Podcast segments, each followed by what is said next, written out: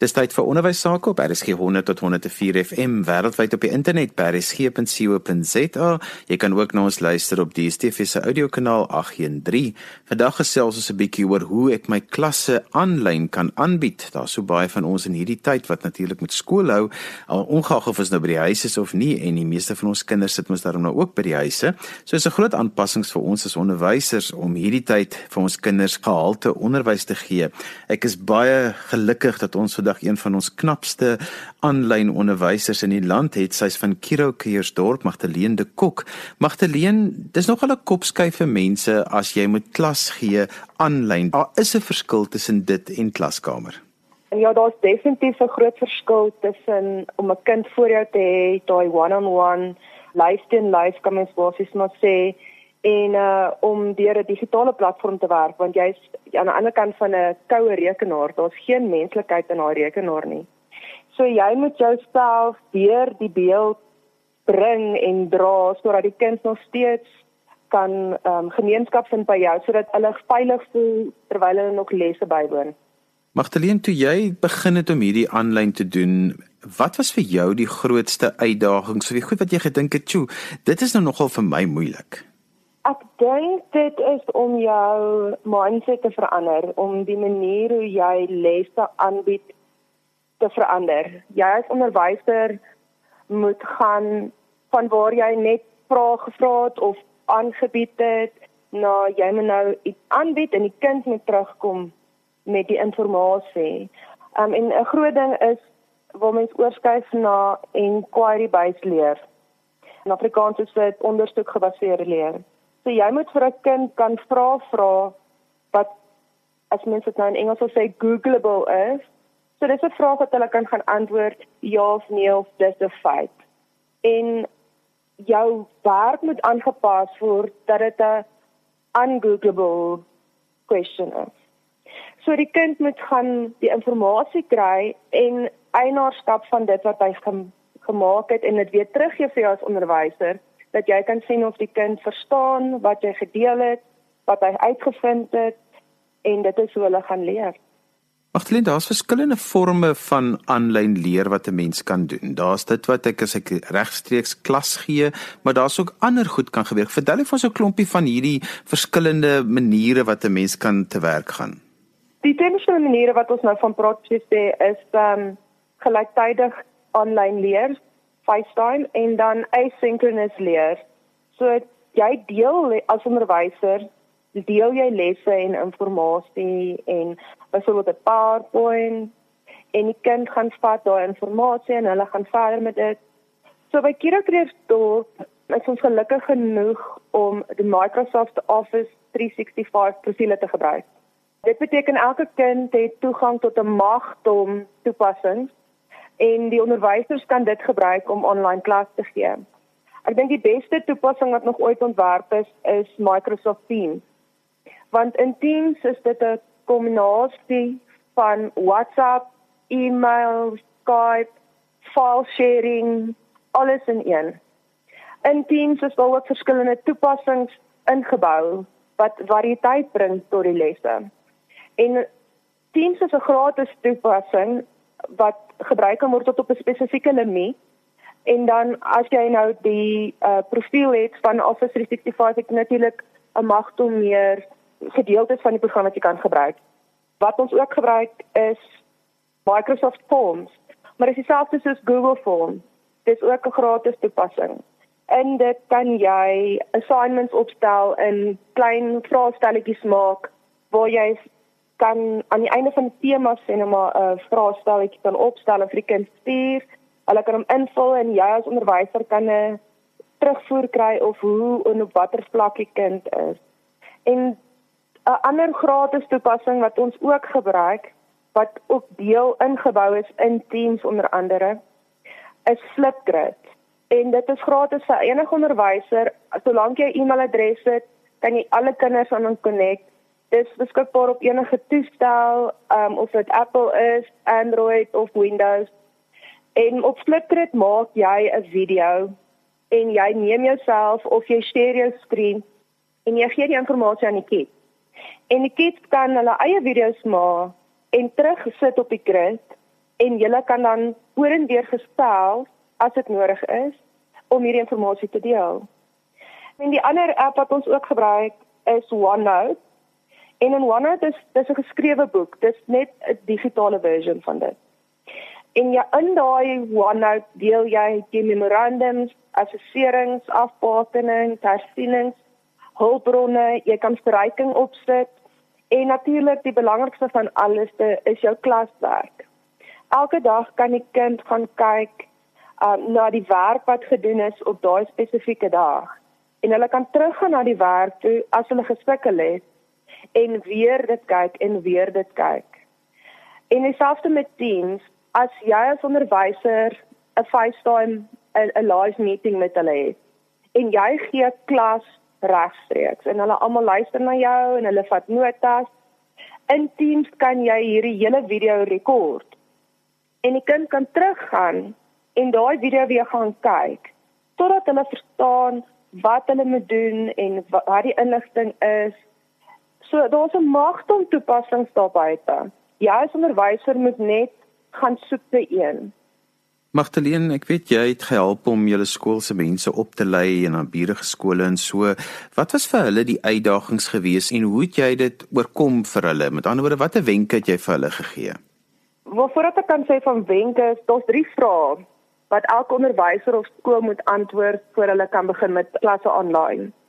Uh, die eerste een is het die kind of 'n onderwyser toegang tot internet of data? Jy het die minste hoeveelheid data nodig om 'n prentjie te stuur of 'n WhatsApp. Selfs Teams meetings vat nie te veel data nie. Maar as 'n kind nie data het nie, hoe gaan jy 'n foto kan stuur? So dit bepaal watter platform jy gaan kies. Die volgende vraag wat jy moet vra is watter tipe toestel het hulle toegang tot? Het hulle 'n rekenaar, is dit 'n tablet, is dit net 'n foon? Dit gaan ook jou platform en jou tipe toepassings bepaal. En dan die derde vraag wat jy moet vra is hoe gemaklik is beide die leerders en die onderwysers met tegnologie? Dit het ook 'n invloed op die tipe app en die tipe platform wat jy gaan gebruik. So ek sou sê die eerste wenk wat ek het is dat die onderwysers moet gaan kyk na daai drie vrae en van daar af moet hulle bepaal wat die maklikste gaan wees.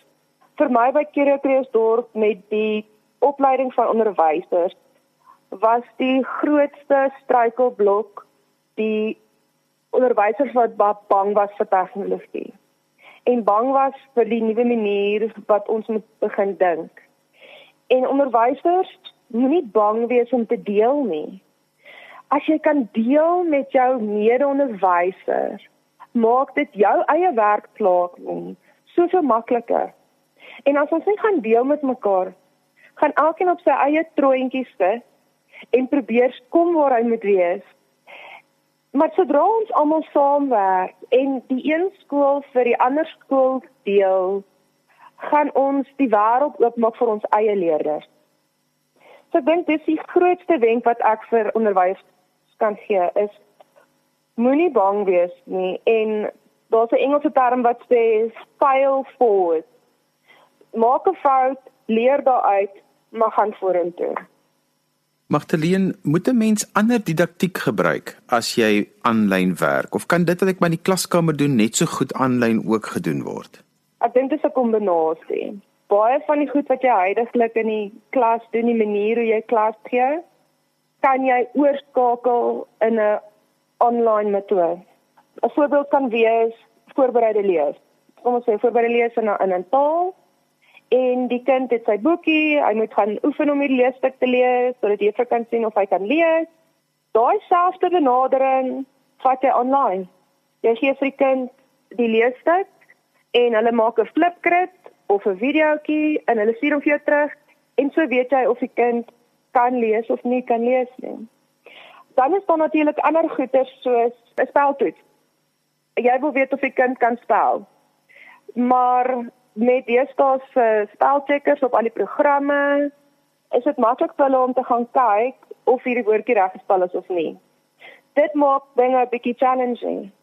So jy moet dan weer 'n ander manier dink oor hoe jy 'n taak kan uitdeel of 'n assignment kan doen ehm um, waar jy in daai taak kan gaan kyk na tale en taalstrukture sonder om dit spesifiek 'n speltoets te doen. So jou didaktiek gaan 'n kombinasie wees van dit wat ons reeds doen en nuwe benadering. Magdalene, maar iets soos wiskunde bly maar 'n uitdaging as 'n mens mens moet daar nog 'n bietjie aanpassings maak, nê? Nee? Wiskunde is een van daai vakke wat 'n baie groot challenge is vir online, veral vir jou jonger grade. Maar in myselfde asem is daar soveel nuwe toepassings en um klein tooltjies wat 'n mens kan gebruik in OneNote self. Het hulle um 'n math learning ingeboude gedeelte.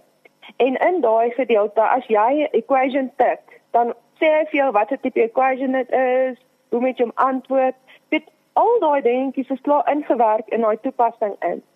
'n Ander gratis toepassing wat wiskunde betref is uh, GeoGebra. Dit is 'n ongelooflike wiskunde toepassing wat jy kom met trigonometrie en jou shapes en daai van goed wat jy van enige ouderdom af met hulle kan werk. Maar ja, wiskunde is definitief 'n challenge en ek dink wanneer jy wiskunde lesse doen, gaan jy meer moet fokus op die lewendige FaceTime meeting. So jou sinkronis leer uh, wat regstreeks is. Jy en jou klas gaan 'n spesifieke tyd moet maak en daai tyd is almal online en juffrou verduidelik vir julle hierdie werk en jy kan vra vra en sê ja, ek verstaan nie, nee, ek verstaan en juffrou kan dit weer verduidelik soos wat dit in die klaskamer is.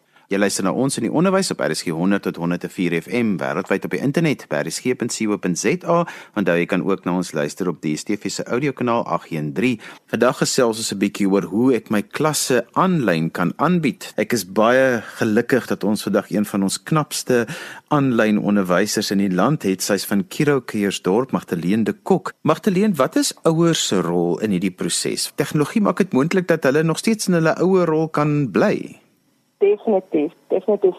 Dit is ook 'n mindset change vir die ouers. En ek dink die ouers moet besef dat hulle soos wat dit eintlik moet wees, normaalweg, moet hulle in 'n partnership wees met 'n onderwyser. Hulle moet daar wees om hulle kind te ondersteun met aanlyn leer waar hulle hulle toegang gee tot 'n toestel. So hulle moet die kind wys hoe om 'n toestel te gebruik by die huis en hulle toegang gee tot die data en natuurlik ook dan kyk watter tipe inligting die kinders na gaan kyk. So dis weer digitale veiligheid wat in elk geval grootliks jou ouers se verantwoordelikheid is. Daai rol bly presies dieselfde. Huiswerk bly dieselfde. Die ouer is daar om te help. Die voordeel is nou as daar 'n video is of daar's ekstra uh, dokumentasie wat saam met die aanlyn gestuur word, het hulle dadelik toegang tot dit. So hulle kan weer die video gaan speel vir hulle kinders en weer self die video gaan kyk en jy weet nooit leer hulle self ook iets nie. Magtleen, hoe gemaak met die feit dat kinders nog steeds moet skryf en die nasien daarvan al daai praktiese werk wat hulle moet doen, hoekom mens daarbey verby? Uh, die hele maklikste manier is om te bly by pen en papier en neem 'n foto en stuur dit vir jou juffrou.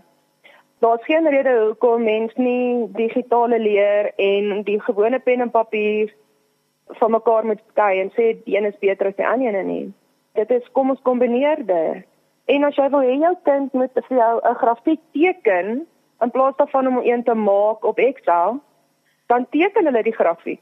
Hulle skryf al die data in wat hulle moet hê, hulle al die opskrifte en hulle neem 'n foto en stuur dit vir die juffrou of hulle ouers kan 'n regstreekse video maak en dit vir die onderwysers stuur. Die ander ding is waar jy jou sinkroniese leer het waar ons 'n live meeting het, kan jy as onderwyser fisies sien hoe die kind sit en werk op 'n papier en hulle kan die papier omdraai en sê vir sy juffrou hierso is dit. Juffrou vat 'n screenshot en sy kan gaan sit en merk en dadelik terugvoer gee aan die kind. So daar is 'n manier om dit te doen om net dit te kombineer en dit gaan alles afhang van die onderwyser se kreatiwiteit. Magdalene vir iemand wat so bedrewe is soos jy, is dit maklik om by ekstra bronne en toepassings se goed uit te kom om nou eintlik jou les wat baie keer so half bietjie vinniger verloop as jy nou begin met video klips en goed en jy laat die kinders deelneem. Maar vir die ouens wat nou nog aan die beginkant is, wat kan nogal baie gou vervelig raak as jy onderwyser, maar net elke keer vir die kinders basies kontak op een van hierdie sosiale platforms en dan gebeur eintlik maar dieselfde les oor en oor en oor. Hoe ervaar jy dit? Hoe maak 'n mens met iemand wat nou nog 'n bietjie moet 'n bietjie ontwikkel op hierdie veld? Ek dink dis 'n baie groot uitdaging um vir enige onderwyser om jou benadering van klas gee te verander. En die oomblik wat jy jou voet op die internet sit en begin soek, gaan jy oorweldig word deur programme en toepassings en apps en goed wat beskikbaar is. Ek dink jy self as onderwyser moet terugstaan en 'n paar goed identifiseer sodat jy nog steeds variëteit in jou klas gee kan hê. My voorstel sal wees skry iets hoe jy regstreeks lesse kan doen, soos byvoorbeeld met Teams of Skype of selfs 'n WhatsApp call. Dis jou eerste stap. Jou tweede stap is kry 'n manier om dit uitdagend te maak vir jou leerders om hulle werk te deel. Moet hulle 'n uh, fisiese poster gemaak en dit gaan teken moet hulle 'n ding skryf, moet hulle iets gaan tik, moet hulle self gaan navorsing doen en net 'n link met jou stuur.